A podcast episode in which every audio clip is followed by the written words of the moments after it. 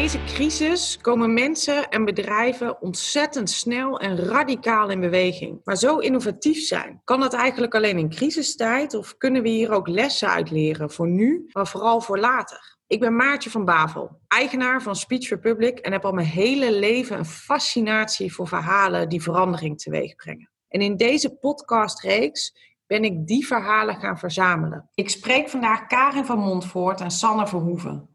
Zij zijn de initiatiefnemers van COVID-19 Extra Handen. Een initiatief wat er mede voor heeft gezorgd dat er nu 20.000 aanmeldingen zijn van herintreders die in de zorg direct aan de slag willen om te gaan helpen in deze crisis. Een ongelooflijk onverwacht succes en vooral een life-changing event voor henzelf.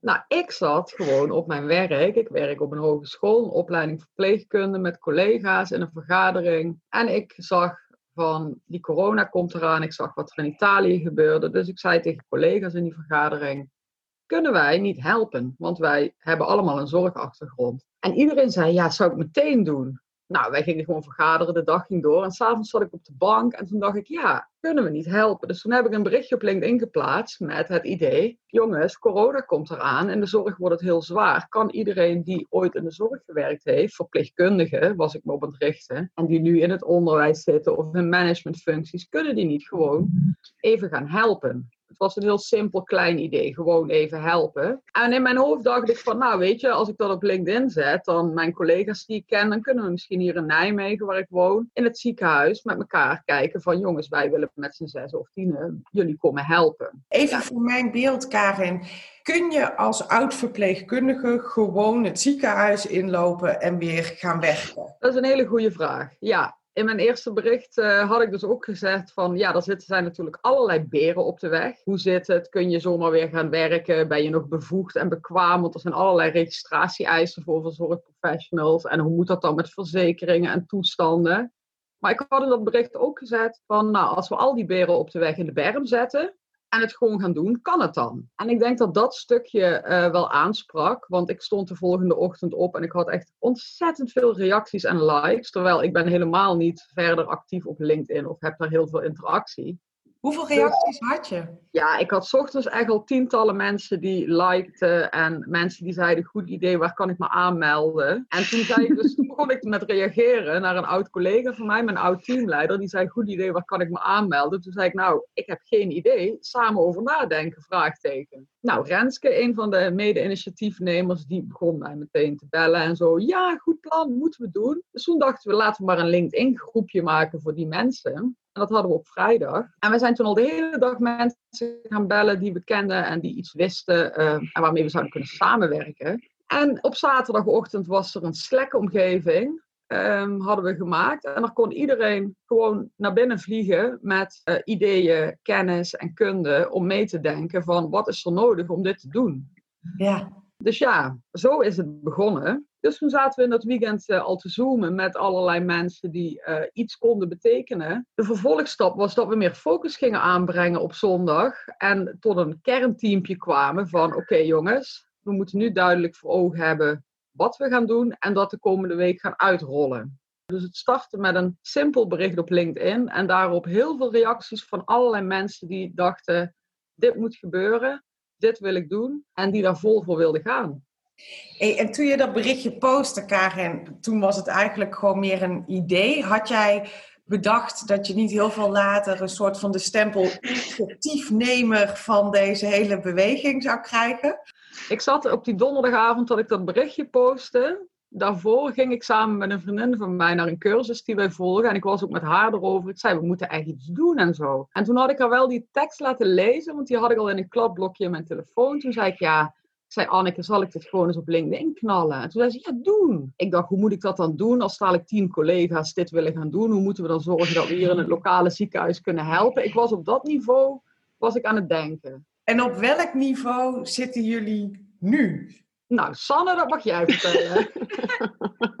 ja, nou, uh, waar we nu zitten, uh, is uh, zeg maar ten aanzien van de aantallen ehm, zitten we dus op 20.000 verpleegkundigen. We zijn natuurlijk gestart met uh, met alleen verpleegkundigen. Maar inmiddels is het voor de hele uh, beroepsgroep, dus alle zorgverleners. En daarnaast is het ook wel belangrijk, die 20.000, dat is niet allemaal door ons. Want een van de belangrijkste dingen die we ook heel snel zijn gaan doen, is gaan samenwerken met anderen. Want um, naast dat uh, Karin daarmee begonnen was, een aantal dagen later zagen we natuurlijk een aantal andere mensen die ook tot hetzelfde ideeën kwamen. Een aantal brancheverenigingen die ook heel hard bezig waren. Ziekenhuizen die zelf ook uh, op dit idee kwamen. Naast zeg maar, dat een van de belangrijkste dingen voor ons uh, doel was om zoveel mogelijk verpleegkundigen dus in eerste instantie, was het andere doel ook wel echt om te zorgen voor één centraal punt. Omdat je overzicht wil hebben. Op een gegeven moment toen we zagen dat, het natuurlijk, dat we in ieder geval via ons eigen kanaal al heel snel ook helemaal de, uh, landelijk gingen, dachten we van ja, dit moet je wel centraal aanpakken. En als er hier nu vijf verschillende databases gaan ontstaan, dan heeft niemand meer overzicht. Dus dat was ook een, een lijn heel erg belangrijk aan het begin. Uh, om te zorgen dat we dus zoveel mogelijk gingen samenwerken met andere initiatieven die aan het werven waren.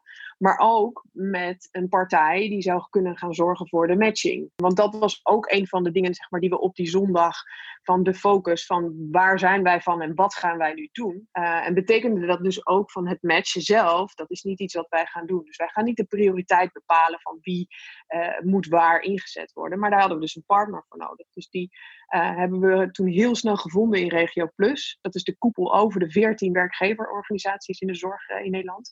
Um, wat natuurlijk echt een prachtige partner is om dit samen mee te doen. of zo? Of, hoe ja, ja, José had daar alle contacten mee. En, uh, en die heeft daar heel veel met hen over gehad. En ook dus heel erg goed gekeken naar hoe, hoe zorgen we dat vraag en aanbod dus goed mogelijk gematcht kunnen worden. Want naast dit stuk van het matchen uh, en het werven, um, was natuurlijk precies eigenlijk een van de dingen die jij aangaf van um, kan je dat zomaar doen, um, was ook het punt van opleidingen. Hoe zorgen we dat de mensen die uh, in dat ziekenhuis uh, gaan aan de slag gaan, zo snel mogelijk een crisisscholing ontvangen? En dat is dus ook een team wat, wat daar zich heel erg druk mee bezig heeft gehouden. En die dus hele, alle crisisscholing bij elkaar heeft gekeken, gekeken van wat is nu het beste om ook te zorgen daar voor, een, uh, ja, voor zo eenduidig mogelijk uh, verhaal naar de verpleegkundigen en andere zorgverleners die aan de slag gaan. Dus het is nu letterlijk als je je aanmeldt, bijvoorbeeld als verpleegkundige, dan ga je ook nog eens crisisscholing doen en dan kun je, dan kun je meteen aan de slag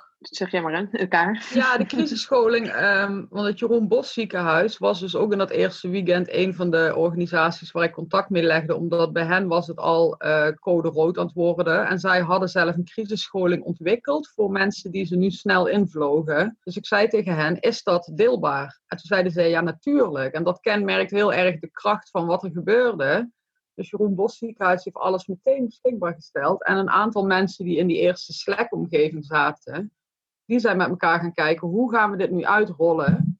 Dus nu is er een crisisscholing, dat ligt gewoon klaar. En dat kunnen ziekenhuizen zelf gebruiken om de mensen die ingezet gaan worden waar nodig bij te scholen. Dus, en ziekenhuizen hebben nu gewoon duidelijke handvatten. Want we, hadden een, we voelden een enorme urgentie met we hebben geen tijd te verliezen. Dus we wilden er vooral ook voor zorgen dat er geen tijd verloren ging in wielen opnieuw zelf uitvinden. Het delen van kracht en kennis, dat was heel belangrijk. Want als ja, er zijn tientallen ziekenhuizen in Nederland. Als daar overal op afdelingen nog mensen moeten nadenken over crisisscholing, daar hebben we nu geen tijd voor. Wauw, en wordt, wordt, wordt het al gevolgd? Zijn er al mensen die de crisisopleiding doen? Zeker, ja. Ik heb ook wel echt wel contact gehad met verpleegkundigen die ingezet worden en die mij dan mailen van uh, ik heb woensdag uh, de hele dag uh, crisisscholing, bijscholing, nascholing, hoe elk ziekenhuis dat ook noemt. Dus um, bij de matching wordt echt gekeken Um, want de Regio Plus die beheert nu de database van al die initiatieven samen, die zijn samengevoegd.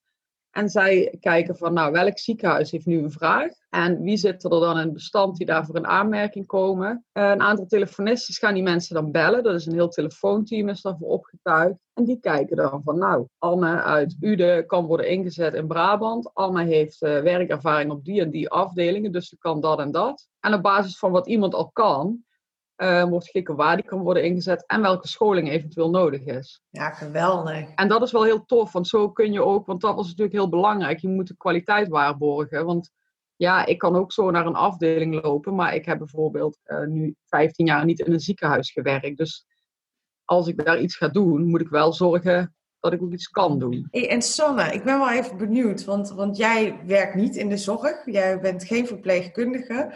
Uh, en ineens, volgens mij heb je alles omgegooid. Vertel eens even hoe dat is gegaan. nou, Renske die is, uh, is mijn schoonzus. En die belde zondag van nou, we zijn, we zijn dit uh, gestart en kan jij eens even meekijken? nou, ik wil altijd meekijken met van alles en nog wat. Maar kwam wel uit een hele, eigenlijk onwijs drukke periode op mijn eigen werknet. Dus ik dacht nou, ik wil best meekijken, maar, maar ik ga geen projectleider worden en, enzovoort. Toen ben ik even in de, in de gedoken en dacht ik luister alvast mee bij uh, de Zoom op zondag. Ik, ik, het gebeurde eigenlijk gewoon. Het overkwam mij. En uh, heb toen met Renske gebeld van ja, dit is super prachtig en dit moeten we echt gaan doen. Um, we moeten wel denk ik heel even eerst even kijken waar, waar gaan we van zijn en, en, en met wie gaan we dit doen. Ja, en toen was het eigenlijk gewoon een soort uh, achtbaan waar we met elkaar ingestapt zijn. Waar ik heel blij van ben dat ik dat heb gedaan. Want ja, het is echt een heel erg mooi project, heel waardevol met een onwijs mooi team uh, mensen. Dus ja, dit is absoluut iets wat ik, waar, waarvan ik denk dat niemand van ons uh, had willen missen. Het is heel zwaar. Ik bedoel, we werken allemaal uh, ongeveer zeven dagen, 13 uur, 14 uur, 15 uur per dag. Dat, dat als ik dat had geweten zondag, weet ik niet of ik op dat moment erin was gesprongen. Maar dat is soms ook maar goed als je dat soort dingen niet weet. Ik, ik hoor jullie een paar keer refereren naar dat eerste weekend. En ik heb het gevoel dat dat onwijs bepalend is geweest voor wat er nu staat. Wat is het belangrijkste inzicht wat dat weekend heeft gegeven, waarvan je denkt, wat er ook gebeurt, dat inzicht moet ik gaan behouden in mijn leven, in mijn werk, geen idee. Wat heeft dat weekend, wat maakte dat zo bijzonder en wat heb je daarvan geleerd? Ja, ik heb natuurlijk zelf helemaal geen management of bedrijfsachtige achtergrond. Uh, maar wat ik daar wel echt in geleerd heb, want ik heb daar ook over nagedacht de afgelopen twee weken van wat gebeurt hier. Wat ik geleerd heb is dat als je echt een enorme drive hebt en voelt dat je iets wil doen, en je vindt daarin mensen die daar net zo over denken en die keihard dat doel samen willen behalen, los van alles daaromheen, los ervan, is het goed voor mijn eigen carrière en wat levert het mij op en wie is hier eigenlijk de baas?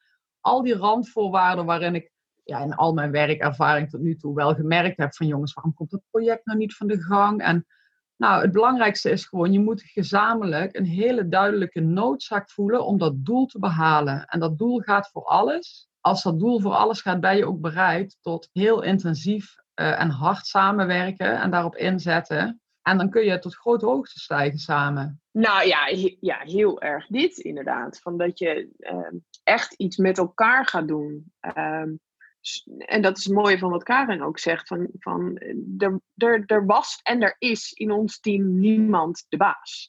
En we hebben een team wat elkaar aanvult. En we hebben een team waarin mensen verschillende dingen kunnen. Maar waar het ook niet is van, uh, de, nou, dit staat niet in mijn functieomschrijving, dus ik doe het niet. Dus op het moment dat er dingen zijn, uh, bijvoorbeeld, ik ben in principe de projectleider communicatie. Maar er zijn best wel dingen waar op het moment dat ik daar geen tijd voor heb, of waarin ik denk van nou, het is voor mij nu even te veel, dat een van de anderen dat overneemt. Um, en zo geldt het eigenlijk voor alles. Dat je dus een heel flexibele uh, groep hebt, waarin niemand beroerd is om wat dan ook te doen, en echt wat dan ook. En ook wat ik heel mooi vind, is ook het uh, heel erg vertrouwen op de de, de kennis en kunde van de ander. Dus er werd en wordt nooit een beslissing van een ander, wordt niet van, oh ja, hoezo zou je dat wel doen? En hoe, heb je daar wel met ons over gehad? En um, hoezo, wie ben jij nou om deze beslissing te nemen? Nou, dat, dat is niet zo. Juist doordat je dus allemaal hetzelfde doel hebt, denk je, ja, oké, misschien had ik het anders gedaan, maar daar hebben we helemaal geen tijd voor om dit nu te gaan overleggen prima en we gaan. Ik denk dat dat ook wel echt heel erg de kracht is. Van gewoon vertrouwen op elkaar en dat iedereen het, het, het beste voor heeft met elkaar en met dat doel. Schitterend. Ik ben wel benieuwd, wat is uh, van de afgelopen periode tot nu toe eigenlijk het moment wat je het meeste bij gaat blijven? Uh, die diepe verbinding tussen ons vieren, waarin we dit doen, Um, terwijl we elkaar, ja weet je, ik heb een paar dagen geleden of zo hoorde ik, um, uh, dacht ik van, oh Sanne, ja waar woont ze eigenlijk? Weet je, we weten niks van elkaar, hè? we hebben elkaar nog nooit live gezien. Ja, Sanne en Renske, elkaar en ik en Renske, maar uh, ik heb Sanne nog nooit in het echt gezien. Uh, ik weet ook niet, uh, denk ik, ik kan niet vertellen nu hoe haar kinderen heten, bijvoorbeeld. Dat is heel erg. heb ik niet op, ja. Maar die diepe verbinding, ondanks dat je elkaar niet kent vanuit dat doel, en die diepe vriendschap voor het leven, ook maar samenwerking voor het leven, ja, dat is, ik, dat kan ik niet onder woorden brengen. Wauw. Over, over een jaar, behalve dat jullie dan ontzettend uh, mooie vriendschap hebben waarschijnlijk. Wat is er dan van dit initiatief nog, denk je? Ik heb geen idee, want twee weken geleden op zondag werd ik geïnterviewd door Omroep Gelderland. En toen dacht ik, nou, de sky is the limit. We zijn er, wat fantastisch. De hele provincie weet het. Um, ik durf niet verder vooruit te kijken dan één dag, eerlijk gezegd.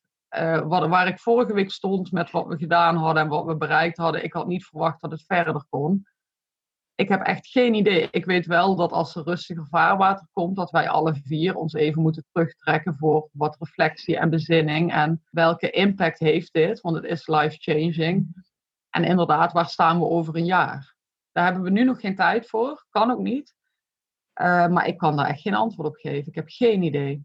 Sanne, jij wel? Nee, en heel eerlijk vind ik het ook eigenlijk het mooie dat dat dus ook niet, dat is ook helemaal niet belangrijk nu.